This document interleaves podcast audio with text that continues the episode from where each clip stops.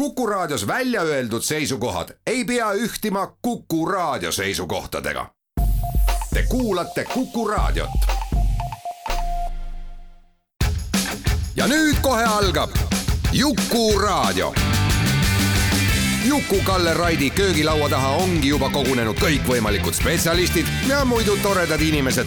tore, et sina ka tulla said. häid mõtteid toob Juku-Raadiosse Postimehe kirjastus las lapsed teevad targemalt. meil on üks päeviks sedagi. nii öeldi enne, öeldaks nüüd. ei hävita see kedagi. sest lastel sama vabandus ja nõrkus nüüd kui ennegi ja tõotatud messias on tulemisel alati. sest lastel nõnda samuti on isa esilt pärandus. kõik nende eksitused veel ja endi eksiv noorusmeel. Juhan Liiv, tuhat üheksasada kümme. tere, hea Jukuraadio kuulaja. kolmesaja üheksakümne seitsmes Jukuraadio köögilaud on käsil ja Kuku klubis. tuletan meelde, et kaks eelmist äh, saadet olime me viikingid või noh, õigemini jälitasime viikingeid.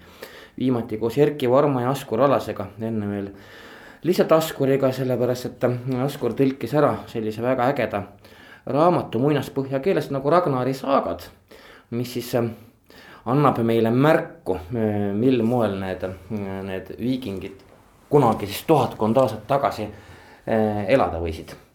aga mitte ainult seda, et noh, viikingi viikingi elu ja viikingi kultuuri kultus on ju tõusude ja mõõnadega kestnud tugevalt üle saja aasta, no me võime ikkagi rääkida üheksateistkümnenda sajandi teisest poolest, kes mäletab.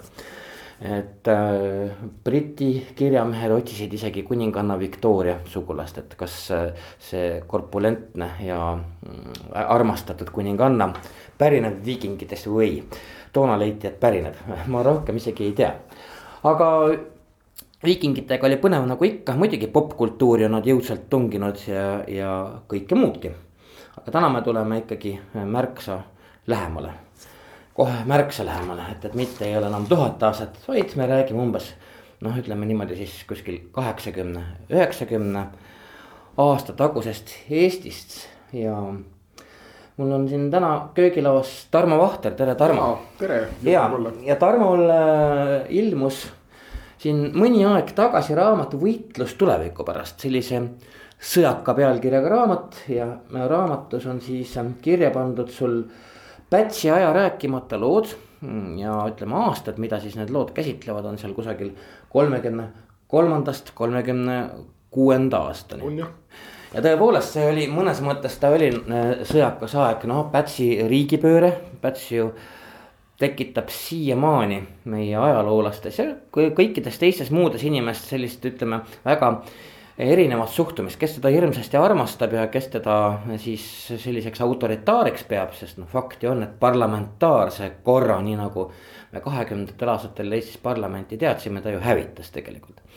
aga mm, sellel asjal on vähemalt takkajärgi ka sihukene naljakam pool ja siit raamatust, me ei hakka raamatut ümber jutustama, selle jaoks on olemas. mitu saadet. jah, siis tuleb mitu saadet, selle jaoks on olemas raamatupood ehitatud, kust äh, seda saab ju soetada. aga Tarmoga me natukene sukeldume, ütleme sellesse epohhi, mil Konstantin Päts ikkagi ilmselgelt arvas, et ta on Eesti rahva isa. aga vähe selles, et isa ka ravitseja, sest just temale kuulub, ja temale kuuluvad need kuldsed sõnad, et Eesti rahvas on haige ja Konstantin Päts otsustas siis ennast doktoriks pidama hakata ja Eesti rahva terveks teha. no see on siis kõikvõimalikud ähm, sellised jõulised aktid haridusreformis, muidugi kodu kaunistamine, majade värvimine ja nii edasi, no ühesõnaga. Äh, riik nagu hilisem pioneerilaager, kus kõik pidanuks siis äh, käima nööri mööda, vot sihuke aeg, eks ole. oli jah, tuleb välja. et ähm, kui me nüüd võtame selle Pätsi, äh, Pätsi fenomeni, no siin oli muidugi, et no taustaks ka see, et, et lõppkokkuvõttes Eestis valitses ju, kui Päts selle riigi. mina, minu, mina tahan öelda, et kaaperdas, ma ei tea, kas sina oled sellega nõus või mitte.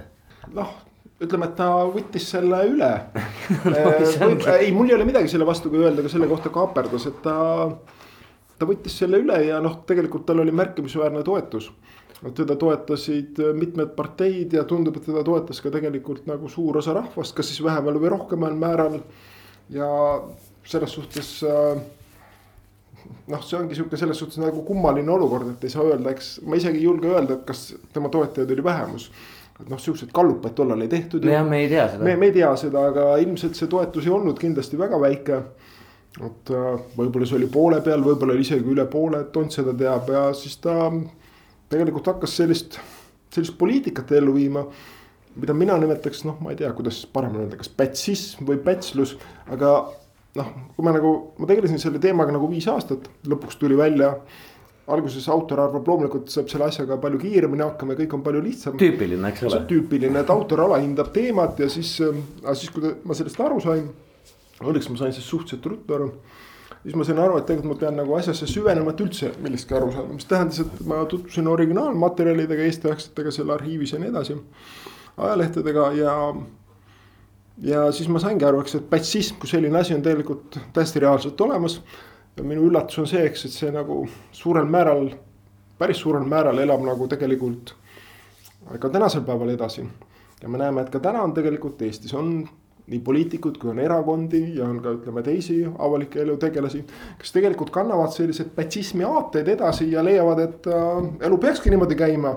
nagu siis patsismi ajal mingi konkreetse. et rahvas ei seisa hakkama äh,. täpselt, no ma toon ühe, ühe väikse näite, eks, et mm -hmm. meil on nagu mõned äh, siuksed väga tunnustatud ettevõtjad, kes leiavad, eks, et no see ühiskonna selline püüdlemine kõrghariduse poole, et see on põhimõtteliselt vale. et oleks vaja rohkem inimesi, eks, et kes teeksid näiteks sihukest mingit kutsetööd, et jumala eest, minul ei ole midagi kutsetöö vastu. aga need lugupeetud ettevõtjad leiavad, et rohkem oleks vaja nagu inimesi kutsetööle.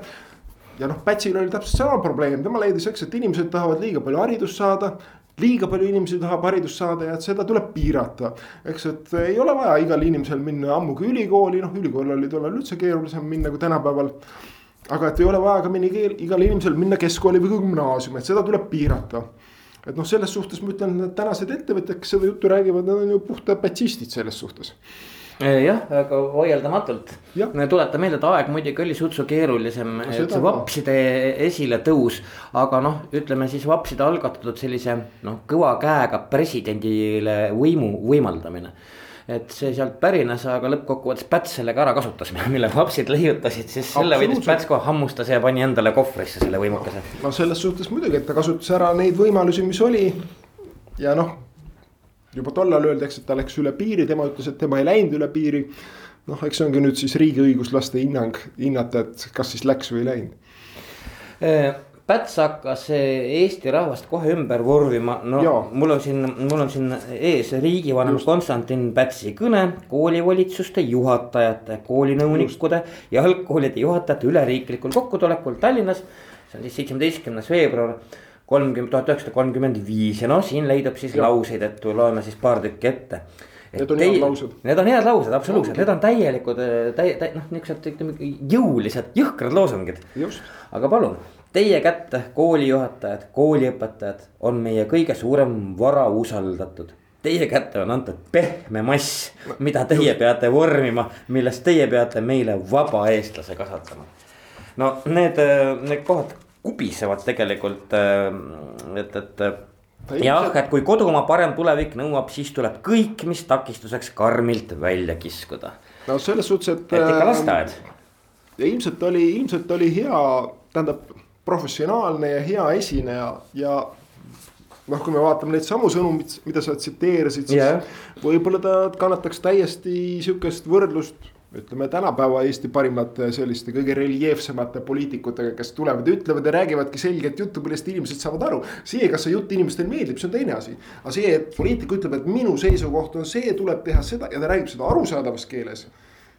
ma arvan, et see on jah, tänapäeval ma ütleks, et see oleks väärtus omaette no see on vinge populism, no haridussüsteemi, haridussüsteemi muidugi Päts tahtis kohe reformima hakata, no siin ka siit raamatust ju Eh, tuleb ilmselgelt välja, et kõigepealt noh, kõikvõimalik ühtlustamine, eks ole, no kõik noh, koolivormid, kogu see muu asi, et üldiselt kavandada noh, ütleme siis mitte nüüd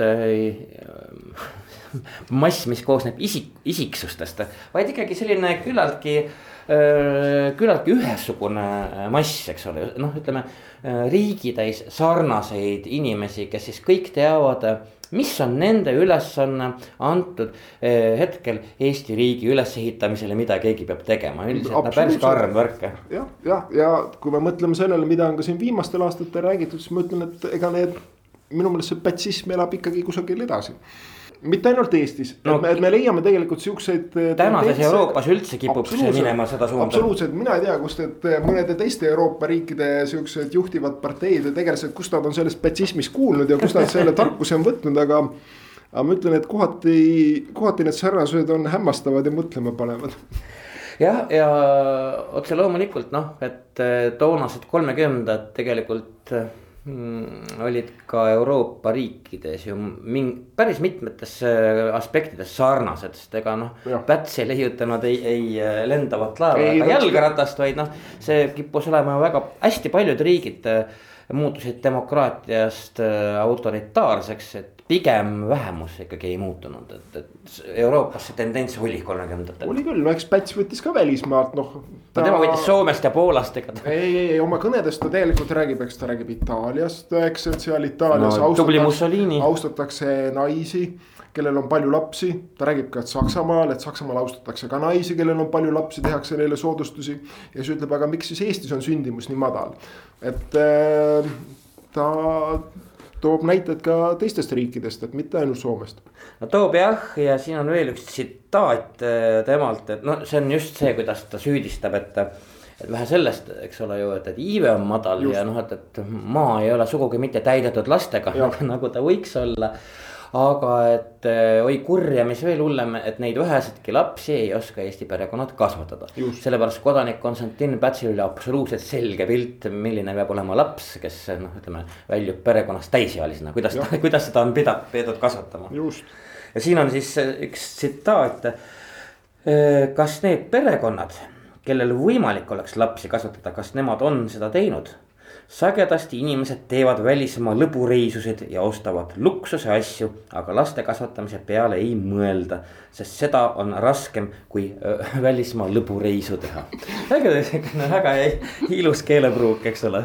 kusjuures tollal käis välismaal ilmselt väga vähe inimesi no, võrreldes tänasega, sest see oli esiteks kallis, transpordiühendusi oli vähe, noh lennukiga sai sõita kuhu, noh Soome sai sõita Stockholmi, aga ei olnud seda, et sa sõidad Euroopasse otselennukiga okei okay, mm -hmm., Saksamaale sai ka ilmselt jah, aga see oli ikkagi väga väike, ei olnud see, et sa said lendada Egiptusesse.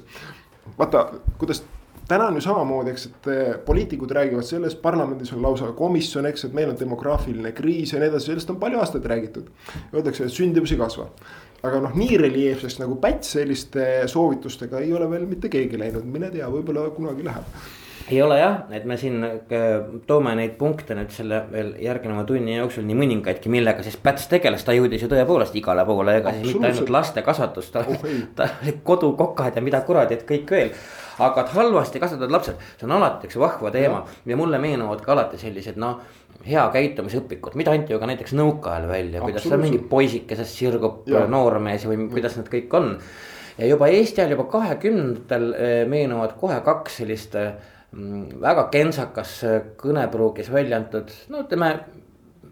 jämedama brošüüri mõõtu raamatut, ma ei tea, kas sa oled näinud või mõned kuulajad ikka kindlasti on näinud, need olid siis Peen mees olen ühte näinud kindlasti. just ja, ja teine oli Peen naine. ja, need raamatud jah, need raamatud andsid siis teada, noh, kuidas isa kirjutab just. pojale. ja siis ema omakorda tütrele, mismoodi siis peen mees ja peen naine käituvad äh, ja mismoodi nad mitte käituda ei tohi, eks. et see, see, see kõik on äh, reljeefselt naljakas, see on nüüd, need on umbes no,. tänapäeval on see. tänapäeval, no see on sajand tagasi välja antud, see oli kahekümnendate algus, kus anti aga Päts on ka oma kõnes pidanud siis mm, passlikuks mainida eh, kasvatuse puudumist siis eh, alljärgnevalt, et siis tsiteerime siin korraks.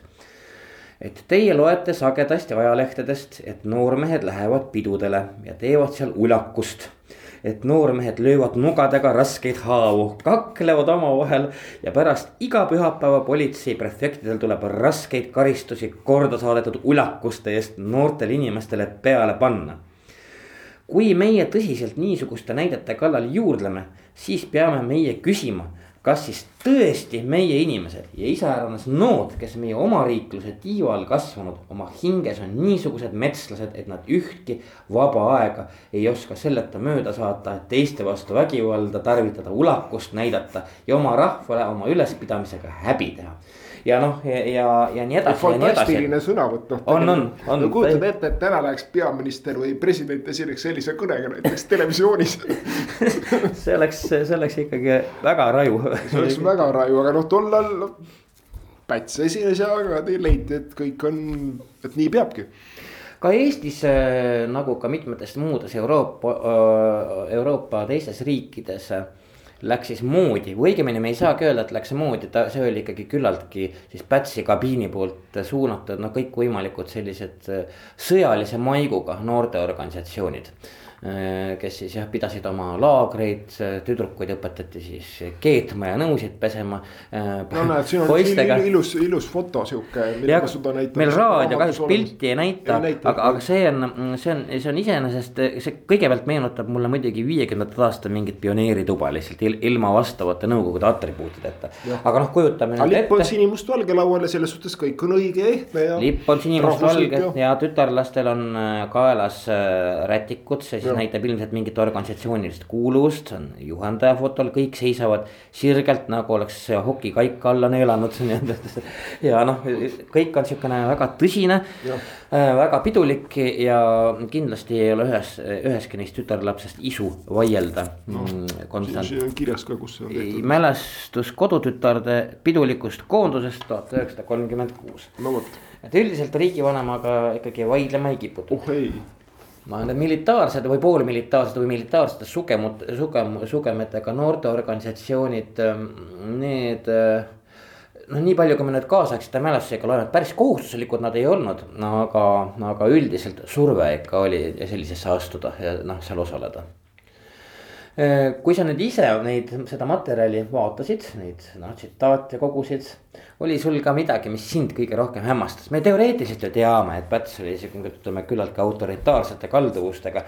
aga noh, et, et nii reljeefsed sõnavõtud, nagu me siin oleme esile toonud, need kipuvad ju meelest ära minema tegelikult. ei nojah, selles suhtes, et mulle tundub, et Pätsi nagu suhtutakse, noh kunagi suhtuti temasse kui nagu sellisesse äh, väga kõrge aupauklikult tänapäeval suhtutakse pigem nagu ütleme negatiivselt.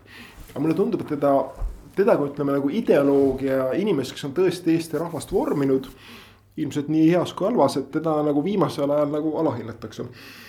Et äh, tõesti need paljud asjad, mis tollal tehti, et nende, nende mõju on tänase päevani täitsa reaalselt olemas, et see, see oli võib-olla see, mis nagu kõige rohkem mind, mind hämmastas. Aga noh, teine asi on muidugi siuksed lihtsad siuksed asjad, mille peale ei oska tullagi, et ma näitan sulle veel ühte pilti, mida ei saa jah raadios kahjuks näidata. ta oli sihuke, oli siseministeerium ja siseministeeriumi all oli, töötas sihuke inimene, kelle ametinimetus oli filmiinspektor ja see oli tuntud luuletaja Artur Ratson see oli siis Marie Underi baas ja abikaasa ja Marie ja. Under teatavasti ja. oli ju printsess. ja tema oli printsessi teener. ja, ja kui ikkagi siuruaegu ja, ja kunagi nad olid ju kõik siuksed, ütleme küllaltki vabad huligaanid. oi, oi, nad olid väga vabameelsed. tegid, tegid ikkagi ütleme siin kahekümnendate alguses ja, ja tegid igasuguseid trikke äh, alates vaata kuskil Tartu Vanemuisest mingite loosidel mingi elukate väljaloosimine ja kõik muu. ja ühtäkki kolmekümnendatel Konstantin Pätsi hästi küünlakese valguses sai siis sellest noh küllaltki mässumeelsest Artur Aatsonist mm, päris niisugune range tsensor. no selles suhtes, et tema oli, ta oli tegelikult väga hästi makstud riime, riigiametnik mm, -hmm. tal oli, tal oli päris hea palk. ja siis tema töö oli nagu tuli siis, alguses ka vaatasin, et kuidas, mis jama see on, aga siis oligi, eks, et on kaustade kaupa, eks ongi, et Atsoni töö oli see, et ta siis vaatas läbi neid välismaa filme, mis Eestis taheti näidata ja siis ütles, eks, et filmi võib näidata. aga et vot seal tüdrukute need paljad sääred on need, see kaader tuleb välja lõigata. siin on jah, siin on, siin on ja. viis tütarlast, jalad üle põlve, sääred tänapäeva mõistes mitte nüüd eriti, aga toonases mõistes kindlasti liiga paljad. koos kahe putli šampaga, eks ole ju. ja, ja noh, siis Ats on arvas, et šampus ja paljad sääred on liigi mis liig. kasvava Eesti Just. Äh, noorsoo jaoks ja ka elatanud äh, inimeste jaoks, et ei ole vaja sellist jama näidata. see on üks tegelikult üks äh, Hollywoodi kolmekümne kuuenda aasta omal ajal sihuke väga menukas muusikal ja seal oli tõesti sihuke stseen, kus siis äh, oli palju tütarlapsi ja see oli kõik fantastiliselt lavastatud, eks raha oli tollal palju Hollywoodis. ja oli lavastatud niimoodi, eks, et need tütarlapsed siis äh, tõusid voodist ülesse ja siis šampust jooma ja see oli Altsonile siis täiesti vastuvõetamatu. sellepärast, et kinos käis tollal Eestis väga palju inimesi, televisiooni muidugi ei olnud. ja see võis mõjutada siis inimeste väärtushinnanguid ja siis oligi, eks, et lõigati need kaadrid lõigati välja. Neid Eesti rahvas näha ei tahtnud ja noh, see on nagu päris naljakas, eks, et kuidas ta on siis äh, filmide kaupa on kirjutanud, eks seda ei tohi näidata, ei tohi näidata, põhiliselt oligi, eks, et kui naised tantsisid, ei tohtinud näidata. kui keegi tantsis kankaani, jumala hoidku, see oli täiesti keelatud. kusjuures ma rõhutan, eks, et tegemist ei olnud siis ütleme selliste äh, jumala hoidku erootiliste. pornograafiliste filmidega, need olid need filmid, mis jooksid, ütleme Ameerikas ja jooksid Saksamaal ja mujal Euroopas kinodes. Need olid täiesti normaalsed filmid ja tänases mõistes on nad noh, jumalast süütud. aga Hudson siis oli väga karm ja ütles, see läheb välja ja kõik see, mis puudutas näiteks, kui keegi tegi mingi gängsterfilmi Ameerikas. siis see oli absoluutselt välistatud, tähendab Ameerika gängsterid ei tohtinud Eestis üldse näidata. ja see muidugi andis selle valguses alla pões, kui, kuidas see Päts ütleski, et, et, et muidu hakkavad pärast noormehed uljakusi tegema, teistele raskeid haavu lööma. absoluutselt, absoluutselt sa ilmselt vaatasid seda Hudsoni poolt üle käidud filmide nimekirja Riigiarhiivist, eks ole et, et.... tänasel päeval jah, tänasel päeval see nimi on Rahvusarhiiv, aga jah ja noh, siis teine asi oli see, kui ma sain selle filmide nimekirja, eks, filmid olid enamasti eesti keeles, siis ma üritasin otsida, eks, et mis selle filmi nimi võiks olla originaalis. ja siis üritasin neid Youtube'ist leida. noh, kõiki ei leidnud, aga mõned leidsin ja siis vaatasin need Youtube'ist läbi ja noh, mina seal küll mitte midagi tänases mõttes jumala hoidku tsensuuriväärilist ei näe. ja ma arvan, et noh, tollases mõttes see oli ikkagi puhtalt ideoloogiast ehk pätsismis kinni, eks, et ei tohi näha seda, et jumala hoidku tütarlapsel on paljad sääred jah, tütarlaps, sul on, sul on päris mitu peatükki pühendatud sellest raamatust jah, võitlus tuleviku pärast, siis kordame selle nime veel üle. Mis siis pajatab tegelikult sellest, kuidas just nimelt eriti tütarlapsi üritati kasvatada, eks noh, muidugi noormehi kah, aga tütarlapsi tuli eriti kasvatada, sellepärast et tütarlastega oli see mure, et nemad ei taha perekonnaga tegeleda. Ja siis tekkisid siin igasugused asjad, noh, sul on siin isegi laua peal, siin on äh, taluperenaine. see on siis sihukene ajakiri, mis hakkas kolmekümnendate algul ilmuma ja, ja see võis olla ilmselt no kui nüüd mitte kõige suurema tiraažiga väljaanne, vaid siis üks kõige suurema tiraažiga väljaandeid kolmekümnendatel kindlasti, Taluperenaine. Äh, oota, ma mõtlen, kes see nüüd oli, kes seda toimetas, ma kohe, ma ennem võtsin siit välja. just. Oot-oot-oot, ah see oli, see oli äh, Liis Käbin. just. Äh,, no tegelikult see hakkas ilmuma kahekümnendate lõpul, aga see on tegelikult selles suhtes äh, huvitav lugu. sellepärast, et äh, siin on nagu kaks momenti, üks on see, eks, et päts ja pätsism nagu nägid ette naisele kindla rolli. aga teine oli see, et juba enne seda, kui nagu päts siis lõplikult võimu võttis aastal kolmkümmend neli.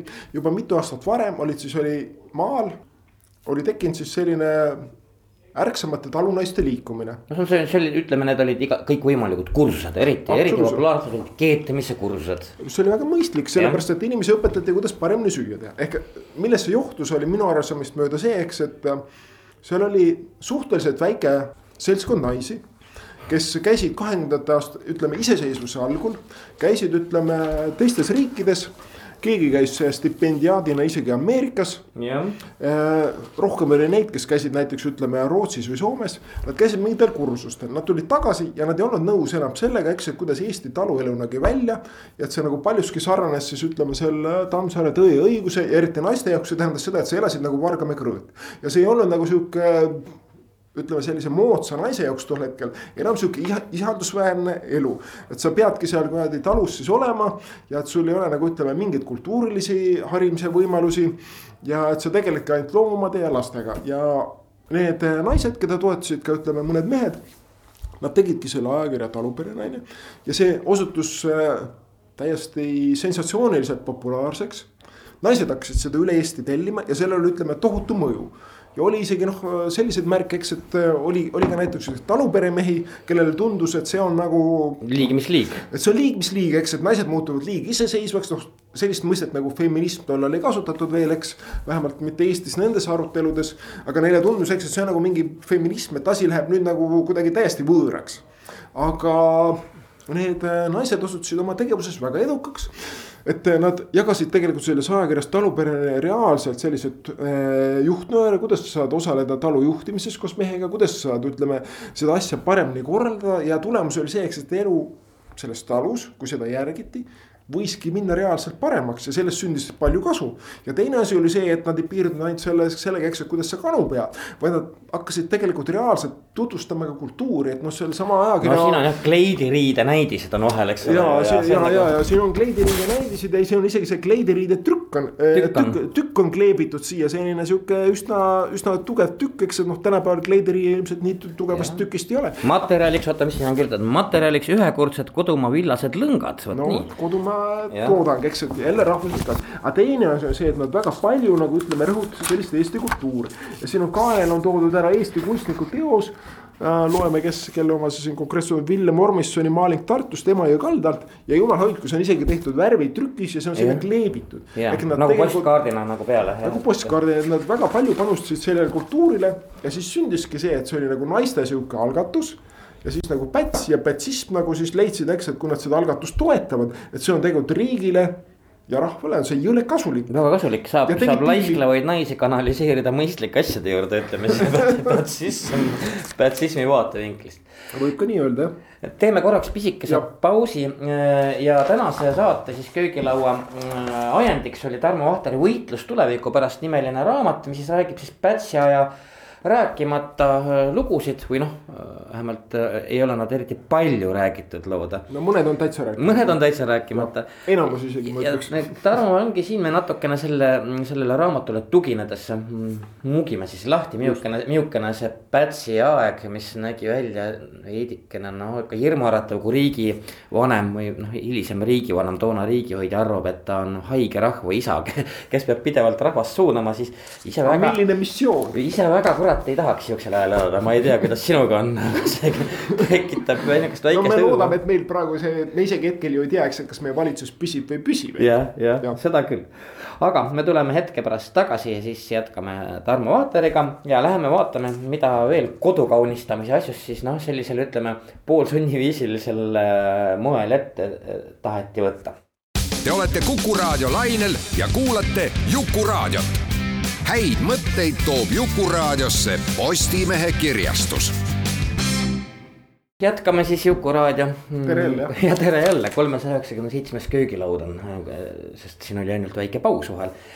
ja kes esimest plokki kuulas, teame, et täna on siin Tarmo Vaater ja me räägime ta no küllaltki äsja välja antud raamatu ainetel Pätsi ajast, raamatu nimi Võitlus tuleviku pärast ja Pätsi aja rääkimata lood kolmkümmend kolm kuni kolmkümmend kuus ja, ja võtsime just selle aspekti, katsume nüüd mitte olla väga poliitiliselt, sest nendest kolmekümnendast võiks ju rääkida ähm, ja meelde tuletada kõikvõimalikke asju, näiteks see kogu see mehkeldamine Artur Sirki ja see sisepoliitiline jama, aga me oleme täna pehmed, sest nagu Päts ise ütles, et eh, kuidas ta nüüd ütleski selle kasvatamatute laste kohta pehme mass, mida, mida pehme mass. ja metslased. metslased jah, mida siis tuleb, eh, keda tuleb siis hoolega kasvatada, et nad Eesti riigile mitte häbi ei teeks.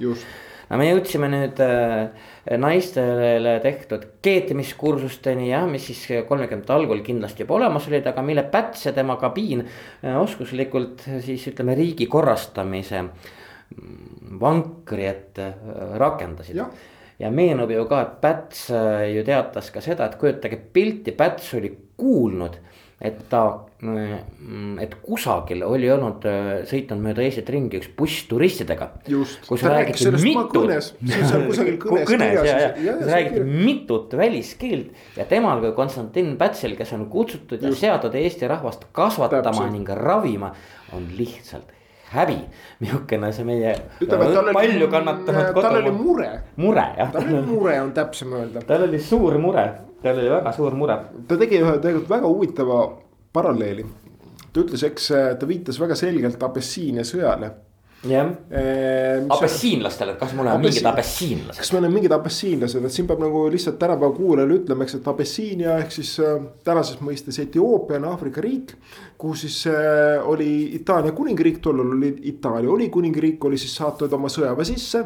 ja siis Mussolini juhtimisele asuti seda vallutama ja siis äh, kui keegi Euroopas nagu kobises, ütles, et me teeme Itaaliale sanktsioonid ja seda tehtigi reaalselt sanktsioonid, siis Itaalia ütles, aga see on metslaste, metsrahvaste korrale kutsumine, et nad elaksid nii nagu.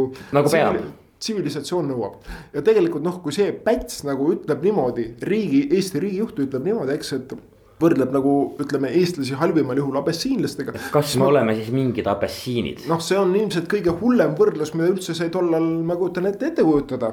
sest noh, oli selge, eks, et abessiinlased on need, kes ei kõlba mitte kuhugi ja neid siis nagu teised rahvad peavadki valitsema. ja Päts väga selgelt ütles, et me ei ole need ja me peame näitama, et me oleme ikkagi selliste Euroopa kultuurrahvaste väärilised ja selleks tuleb välja, tuleb läbi viia teatud sammud ja ta hakkaski neid viima. jah ja me jõuame siit veel ühe, ühe prouani, keda siis ilmselt võib-olla teatakse rohkem kui Liis Käbinit, sellepärast tema jõudis ka nõukaajal aastakümneid tegutseda, see on siis. Salme Masso ja siin on sul siis peatükk, kuidas noor Salme Masso õpetab Eesti naisi kokkama ja kodu korras hoidma. Tema oli siis selline toonases mõistes, Salme Masso oli selline moodne, moodne naine. absoluutselt väga, väga moodne naine, absoluutselt. lühikese soenguga ja, ja ta, ta tahtis meestele ja naistele võrdseid õigusi, meestele see muidugi väga ei meeldinud, tegelikult ei meeldinud see ka. eks mehed olid juba tollal ka erinevad muidugi. no seda, seda kindlasti, aga, aga ega, ega ei, ei meeldinud see ka ütleme Pätsu kabinetis töötavatele inimestele nii väga, kui nüüd mingid prouad noh nihuke eriti omatahtsi laamendama hakkasid ja eks, eks neid üritati Oi, ju paiki sordiini all hoida. seal oli suurepärane või noh, suurepärane, ütleme, seal oli teedeminister, kelle nimi oli Otto Sternbeck. ja tema tõepoolest, ma täiesti üllatusega lugesin, on ühel valitsuse koosolekul öelnud seda, et naiste saa-, hariduse saamist tuleks piirata. no on väga raske ette kujutada, et vabariigi valitsuse liige teeb sellise avalduse. noh, tänapäeval ma loodan, see ei ole enam võimalik ja ma loodan, et see ei ole ka tulevikus võimalik, aga tollal teedeminister tegi selle avalduse, aga noh, tundub, et õnneks seda ei võetud nagu täitmisele, aga ta vähemalt tegi selle, mis nagu ütleb teedeministri kohta väga palju. ei, loomulikult, aga mitte ainult muidugi teedeministri kohta. Ja siis no Salme Massa jah, et, et Salme Massa igasuguseid äh, kõikvõimalikke ka just nimelt kokaraamatuid, noh, neid me oleme, me oleme kõiki lehitsenud, sest neid ju ilmus kõikidel nõukakümnenditel. no Salme Massaga juhtus lihtsalt see lugu, eks, et äh, ma ei tea, mis need põhjused olid, eks, et kui neljakümne neljandal aastal toimus sõja ajal suur põgenemine Eestis. siis näiteks taluperenaise peatoimetaja Liis Käbin, tema läks Eestist ära, paljud mm -hmm. inimesed põgenesid Eestist. aga Salme Massa, mis iganes see põhjus oli, jäi Eestisse mm. -hmm. ja kuna nagu teda ütleme ei küüditatud reaalselt, teda ei pandud vangi. siis ta hakkas ühel hetkel edasi tegelema sellega, mida ta suurepäraselt oskas, ta hakkas avaldama edasi raamatuid sellest, kuidas nagu süüa teha.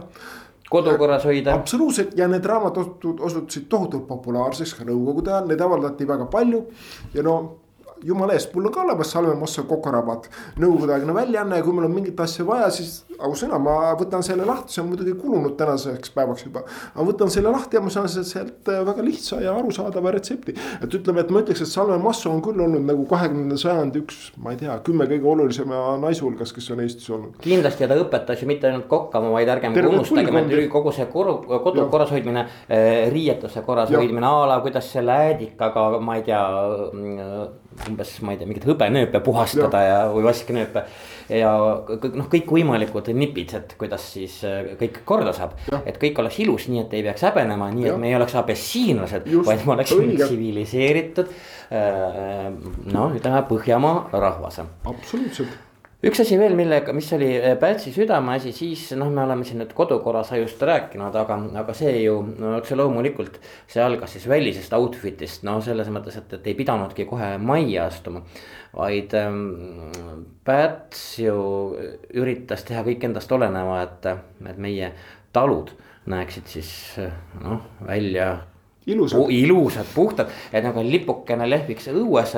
aga vahva selle juures on jälle need meetodid, mis on siis Just. nagu äärmiselt noh, äärmiselt pätsilikud, kus on siis nagu eh, siinsamas su raamatus, mis oli väga vahva, mida mina ei olnud näinud, oli see, kuidas see Konstantin Pätsi juhtimisel õpetatakse õigesti maja värvima, no kurat küll.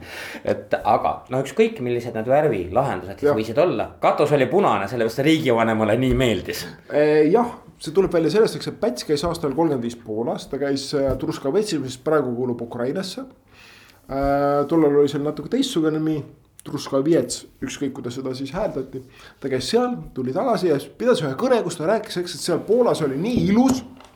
ta ei rääkinud mingist Ukrainast, ütles seal Poolas oli nii ilus ja muuhulgas majade katused olidki punased ja siis tehtigi selline ametlik äh, brošüür, kus oli siis värvitahvlid, milliseks võiks talumaja värvida. ja neid, seal oli vist mälu järgi ütlen kaheksa värvilist tahvlit. Need majade värvid olid erinevad, aga katus oli tõesti alati punane. ja siis öeldi, eks, et neid jagati laiali, see ilmus tohutus tiraažist tolle aja kohta vist oli kakskümmend viis tuhat eksemplari, see oli tõesti suur. see oli väga. see, see, see oli meeletu ja siis oligi see, eks, et aga nüüd siis tuleks hakata neid talumäe värvima, sest traditsiooniliselt Eesti talumäe ei värvitud. Need, kes värvisid, olid ütleme rannarooslased ja nende mõjuala siis ütleme seal Läänemaal. aga siis Päts leidis, et tegelikult tuleks värvida ära ja jah, katus oli punane, et sihuke päris huvitav. ja absoluutselt ja, ja muidugi siis äh, Pätsi need kõikvõimalikud ja jälle need raadiokõned ja muidu kõned, kui, kui, kuidas ta siis, muidugi teine eeskuju, mis tal alati oli, oli Soome, sellepärast et. seal ta käis. jah, seal ta käis just nimelt ja. ega tema ei reisinud ju eriti praktiliselt üldse mitte, ta käiski Poolas ja ta käis ta Soomes ja tegelikult tuleb välja, et ka tsaari ajal ta isegi sel ajal tsaari impeeriumis liikus väga vähe. Just, aga igal juhul äh, Päts siis toob Soomet ikkagi igal ja. võimalikul hetkel eeskujuks, kuidas, aga see on just väga küllaltki küllaltki drastiliselt väljendatud jälle, kuidas Soomes on kõik hästi ja meil on. noh, ta ei kasuta küll seda sõna, aga mõte on jumala selge, meil on kõik perses. sellega võrreldes. seda ta ei öelnud. seda sõna ta ei kasuta. sõna ei öelnud üheski kõnes, ei, ei. aga, aga noh, et meil on ikkagi, meil on popslik mentaliteet, me peaksime jälle silmad peast häbenema, et vaata, kuidas siis, eks. Meist põhja pool elavad soomlased, kuidas seal on, aga üldiselt on see muidugi äh, jabur, sest ütleme rohkem käinud inimesed äh, Äh, teadsid juba tol ajal ja muuseas, seda on Eesti kirjanikke, nagu me räägime siin Tukla mälestustest ja, ja päevikutest ja tulnud välja, et noh, Päts on sutsu natukene napakas, sest et loomulikult loomulikult ei olnud see nii, et, et imeilus Soome ja imekole Eesti, et, et ta ei, ikkagi, ta üritas seda kuidagi ikkagi oma propaganda ette hullu pööra rakendada. no eks ta, eks tal tuli see eh, muidugi välja ka. no tuli küll tegelikult päris palju tuli välja selle kodu kaunistamisega. riik ütles, et sihuke kampaania on, nüüd hakkab pihta ja siis oligi nii, eks, et anti käsud kätte seal valdadesse ja nii edasi, et te peate hakkama siis hoolitsema kodu kaunistamise eest, korraldama neid värvimiskursusi ja oligi väga palju ja. neid värvimiskursuseid.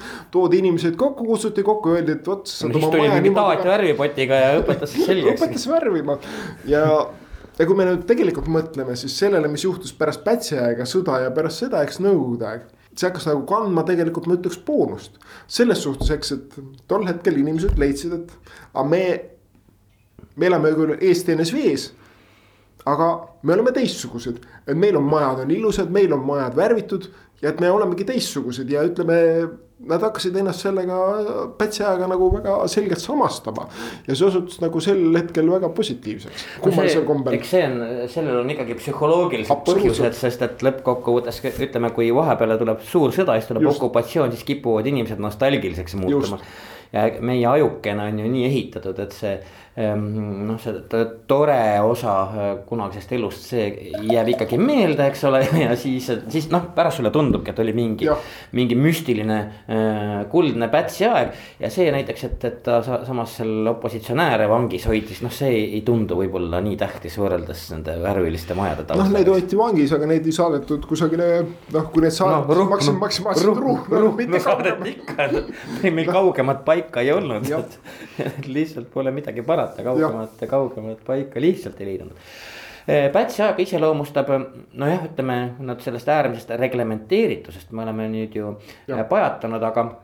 aga fakt on ka see, et, et kogu siis Pätsi oma eh, elamise ja, ja noh, kõik selle outfit, mis teda siis nagu isiklikult ümbritses see oli muidugi ka äärmiselt äh, klanitud, kusjuures ikka rõhutatult äh, luksuslik, võiks ikkagi öelda. no tollestes oludes. tol, tol, tollas, ei tollastes oludes just nimelt, et noh, et. no see, sa kasvatad enda talus paapulinde näiteks no, noh. no ta, ta sõimas küll, ta sõimas küll teisi vaba, vabariigi kaaskodanikke selle eest, et no ihalevad mingeid luksusvidinaid, nagu me siin enne ette lugesime. aga ise ta neid armastas ju väga hästi ja võib-olla üheks pikantsemaks näiteks ongi siis Eesti ähm,. Põhiliselt küll vene päritolu Eesti ärisme, ärimeeste poolt talle kingitud oruloss, eks ole ju, me noh. orulossi niisuguseid klassikalisi ja. pilte äh, me oleme ikka näinud, no kes tahab, võib internetti sonkima minna, et seal on, no sinu raamatus on siin ja. ka paar tükki. noh sellistest tubadest just, mida me siin vaatame, mis on siis sellise väga rahvusornamentikas tehtud sellised nojah. ei no sinna tegi. laevalaadsed tooted on seina peal, eks ole. ei no sinna tegi disaini Olev Siinmaa, kes oligi nagu sihuke tegelikult oligi tipptegija omal alal. no oli muidugi ja, ja sihukene väga Põhjala-laadne, Põhjala-laadne asi, et, et just nimelt, et sellest ja ütleme siis, kui me nüüd praegu täna pilgu peale viskame, siis ilmselgelt jah, siukene viikingi mõjutustega, muistne vabadus, Kalevipoeg ja nii edasi, nii edasi, kogu. no ütleme väga rahvusromantiline, eks ole. Neid parlamente ju ehitati, noh, see on küll mõnevõrra varem ehitati ju ka selline, et oli ikkagi Euroopas väga silmapaistev. Aga mulle nüüd meenub lihtsalt selle Oru lossiga ka see, see muidugi kuulub mingil moel selle Konstantin Pätsi küllaltki ennast armastava iseloomu juurde et kui delegatsioon Soomest nüüd kolmekümnendate aastate lõpul, äh, see jääb nüüd sinu raamatus napilt välja, noh, see oli vast kolmkümmend kaheksa. Äh, delegatsioon Soomest, kaasa arvatud seal sõjandusministeeriumist viidi muidugi Oru lossi, nad alati viidi Pätsule sinna äh, külla. siis soomlased ei suutnud ära imestada, et, et, et väga kentsakas riigipea on meie, meie lõunapoolsel naaberriigil, et, et sellel ajal, kui meie ehitame Vene piirile kaitserajatisi, noh Mannerheimi liin ja nii edasi, et no kogu see no, asi, sest et Euroopas ei olnud enam rahulik. Siis tegeleb Konstantin Päts meile ehitatud nimelt mitte ühtegi kaitserajatist sel hetkel. ei no tegelikult ehitati siiski, sellest on juttu Laideneri peatükis no. jah, no aga, aga ütleme ikkagi võrreldes sellega napilt, et Pätsile meeldis rohkem roose kasvatada teatavasti kusagilt Hollandist ta siis või. ei ta tellis neid. Eh, tellis, tellis, tellis kusagilt Lääne-Euroopast, Saksamaalt jah ja. hirm, ma tuletan meelde, et see ähm, erinevaid roosisorte, mida ta siis tellis, tal oli see roosi. on isegi roosisort Konstantin Päts. No, staatspresident riigist on isegi roosisort, mille ametlik nimi peaks olema staatspresident ehk riigi riigi president Konstantin Päts, jah, see on olemas ja kuna see oli, äh, see oli äärmiselt kallis, see, see, see siis, siis soomlased ei suutnud jah kuidagi ära imestada huvitavat, et äh, riigikaitsega tegeletakse märksa vähem kui siis äh, Kauni Oru lossi ja, ja Oru mõisapargi ja ja, ja siis no, kaunite roosidega. ei no tegelikult siiski Laidoner tegeles riigikaitsega reaalselt aga tõepoolest see, mis oli Laideneri probleem, oli see, et äh, tal ei olnud kunagi selleks piisavalt raha kaitse-eelarves ta käis äh, pidevalt, ütleme sisuliselt, äh, Laidoner käis piltlikult öeldes kaitse äh,, valitsuse istungil raha kerjamas mm -hmm. kaitseväe jaoks. ja ka kaitserajatiste jaoks, noh aeg-ajalt ta sai ja siis öeldi, et aga ei ole rohkem raha mm. -hmm. Et ei saa öelda, et sedagi üldse ei oleks tegeldud. Ja noh, teine asi, mis Laidoneril oli, et tal ei olnud loomulikult NATO-t, et ta oleks saanud öelda, eks, et jah. ja et meil jah, ütleme, ütleme kunagi see ilus projekt, et viis Balti riiki Soomest Poolani võiks mingi sellise ühise kaitseploki moodustada. et see ju äh, jäi kõik tülli, sest eestlased tülitsesid lätlastega no, ja, ja, ja, ja nii edasi ja nii edasi, on ju, et, et. aga noh, see ei ole muidugi ja, tänane teema, aga tulles ja. nüüd, tulles nüüd sellise, ütleme kõike seda Pätsi, äh, toonast Pätsi aega võiks äh, võtta kokku sõnaga paraadlikkus, noh muidugi äärmine patronism, ta oli ikka kuidagi väga patroniseeris, no tema ikka teadis ja Päts ikka mm, suunas ja õpetas ja koputas südametunnistusele ja vastu pead ja. ja me näeme ju neid vanu pilte, kuidas siis üks, üks, üks lemmik asju mm. toonases ajakirjanduses jah, siin vedeleb laua peal ka, aga neid on, neid on netis ka olemas.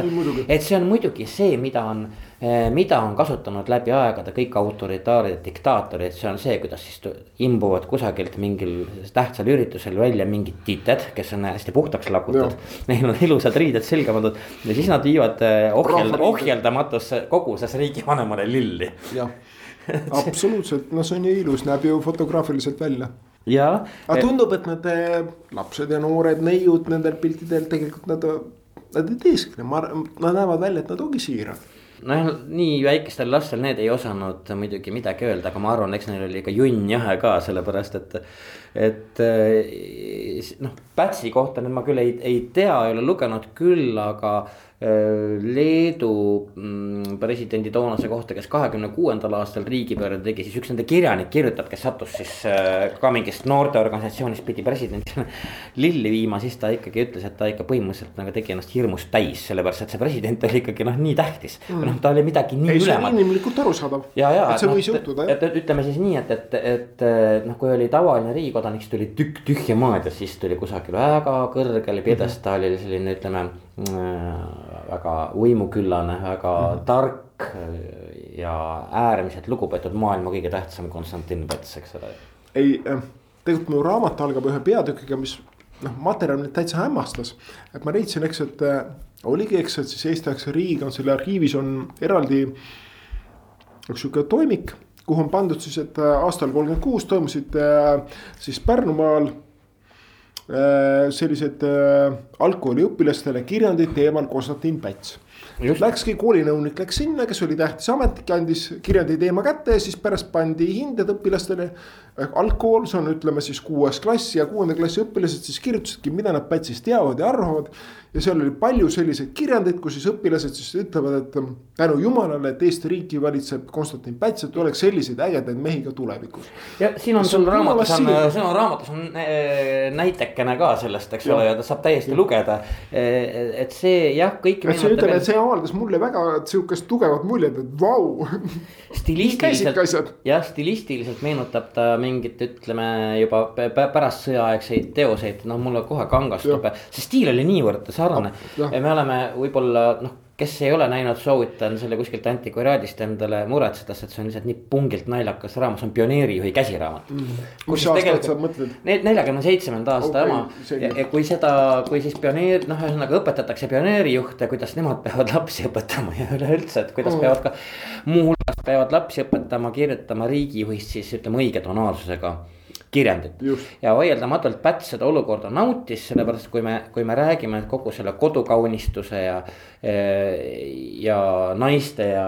ta leidis, et see on õige. jah, mobiliseerimise ja. kampaaniaga seoses suutis ta ju ometigi endale ka mälestusmärgi ise püstitada ja noh. see on tõsi jah. et äh,. ja pea püstitatakse nüüd ilmselt lähemal ajal no nüüd on, nüüd on see üleelu suuruses jalgpall sinna Estonia ette tehakse, ma just mõtlesin, et selle võiks öösel salaja jalgpalli ruuduliseks värvida, et, et võiks täitsa huvitav välja näha nii et eh, Konstantin Päts selles mõttes eh, ta muidugi elada oskas ja sinu raamatus ka veel üks, me hakkame siin tasakesi lõpetama, aga on üks tore näide, kuidas Konstantin Päts siis täna tunneme seda linnaosa Pirita Kosena. võttis Just. rendile viiekümne hektarilise maatüki ja ja siis, kuidas tema abilised seletavad midagi sihukest nagu no umbes nii nagu Päts oleks olnud Vargamaa Andres, kes sooga võitleb seal. et, et noh, et oma talu ehitada. tegelikult muidugi oli see ikkagi selline, pigem oli ta ikkagi mõis kui talu ja noh. no tänases et... mõistes võiks küll ilmselt öelda jah ilmselt ka tollal, väike mõis. aga jah, propaganda juurde ikkagi kuulus see, kuidas Konstantin Päts vähe selles, et ta hoolitseb kõikide inimeste eest riigis, võitleb ta ka sooga et.... ja aga eks ta tegeleski sellega nii oli. Eh, head sõbrad, meil on eh, tänane kolmesaja üheksakümne seitsmes saade läbi, Tarmo Vahter oli siin ja, ja tegelikult muidugi me oleks võinud siin rahulikult vähemalt kolm saadet teha sellest küllaltki värvikirevast. küllaltki värvikirevast ajast. soovitan võtta Tarmo raamatu Võitlus tuleviku pärast, see on täiesti olemas ja, ja, ja siin on tõesti neid lugusid, mida siis Eh, noh, ütleme nooremad ei, ei pruugigi teada, nagu kõva arhiivitöö isegi taga. vanemad ei tea. no ja, ja vanemad ei pruugi kas teada või ka mäletada, sellepärast nagu me teame, et mälu on ju valikuline. ja, ja, ja ütleme kõiki veidrusi, millega kodanik Päts hakkama sai, ei ole ju inimestel lihtsalt äh, meeles. nii et, äh, et selles mõttes on ta täpselt nii kaua väga lõbus äh, teos, kuivõrd me ise ei pea umbes sellises riigis elama, eks ole ju mis sina sellest arvad äh,? nojah, seda võib nii väljendada. no sa ei taha ju, et, et sulle tulekski Mart Helme ja ütleks, mis värvi tapeedi sa pead tuppa panema kuule Tarmo, aga suur aitäh sulle raamatu eest, suur aitäh, et sa võtsid tulla, usutavasti siis kuulajal terkas selle huvi ka ja siis. see oleks ikka abiks. jah, et paneme siis selle, paneme siis selle saate tänaseks lukku Just. ja, ja. kena päeva jätku. ja, ja järgmine nädal uuesti, olge mõnusad las lapsed teevad targemalt. meil on üks päeviks sedagi. nii öeldi enne, öeldaks nüüd. ei avita see kedagi. sest lastel sama vabandus ja nõrkus nüüd kui ennegi ja tõotatud messias on tulemisel alati. sest lastel nõnda samuti on isa esilt pärandus. kõik nende eksitused veel ja endi eksiv noorusmeel. Juhan Liiv, tuhat üheksasada kümme. häid mõtteid toob Jukuraadiosse Postimehe kirjastus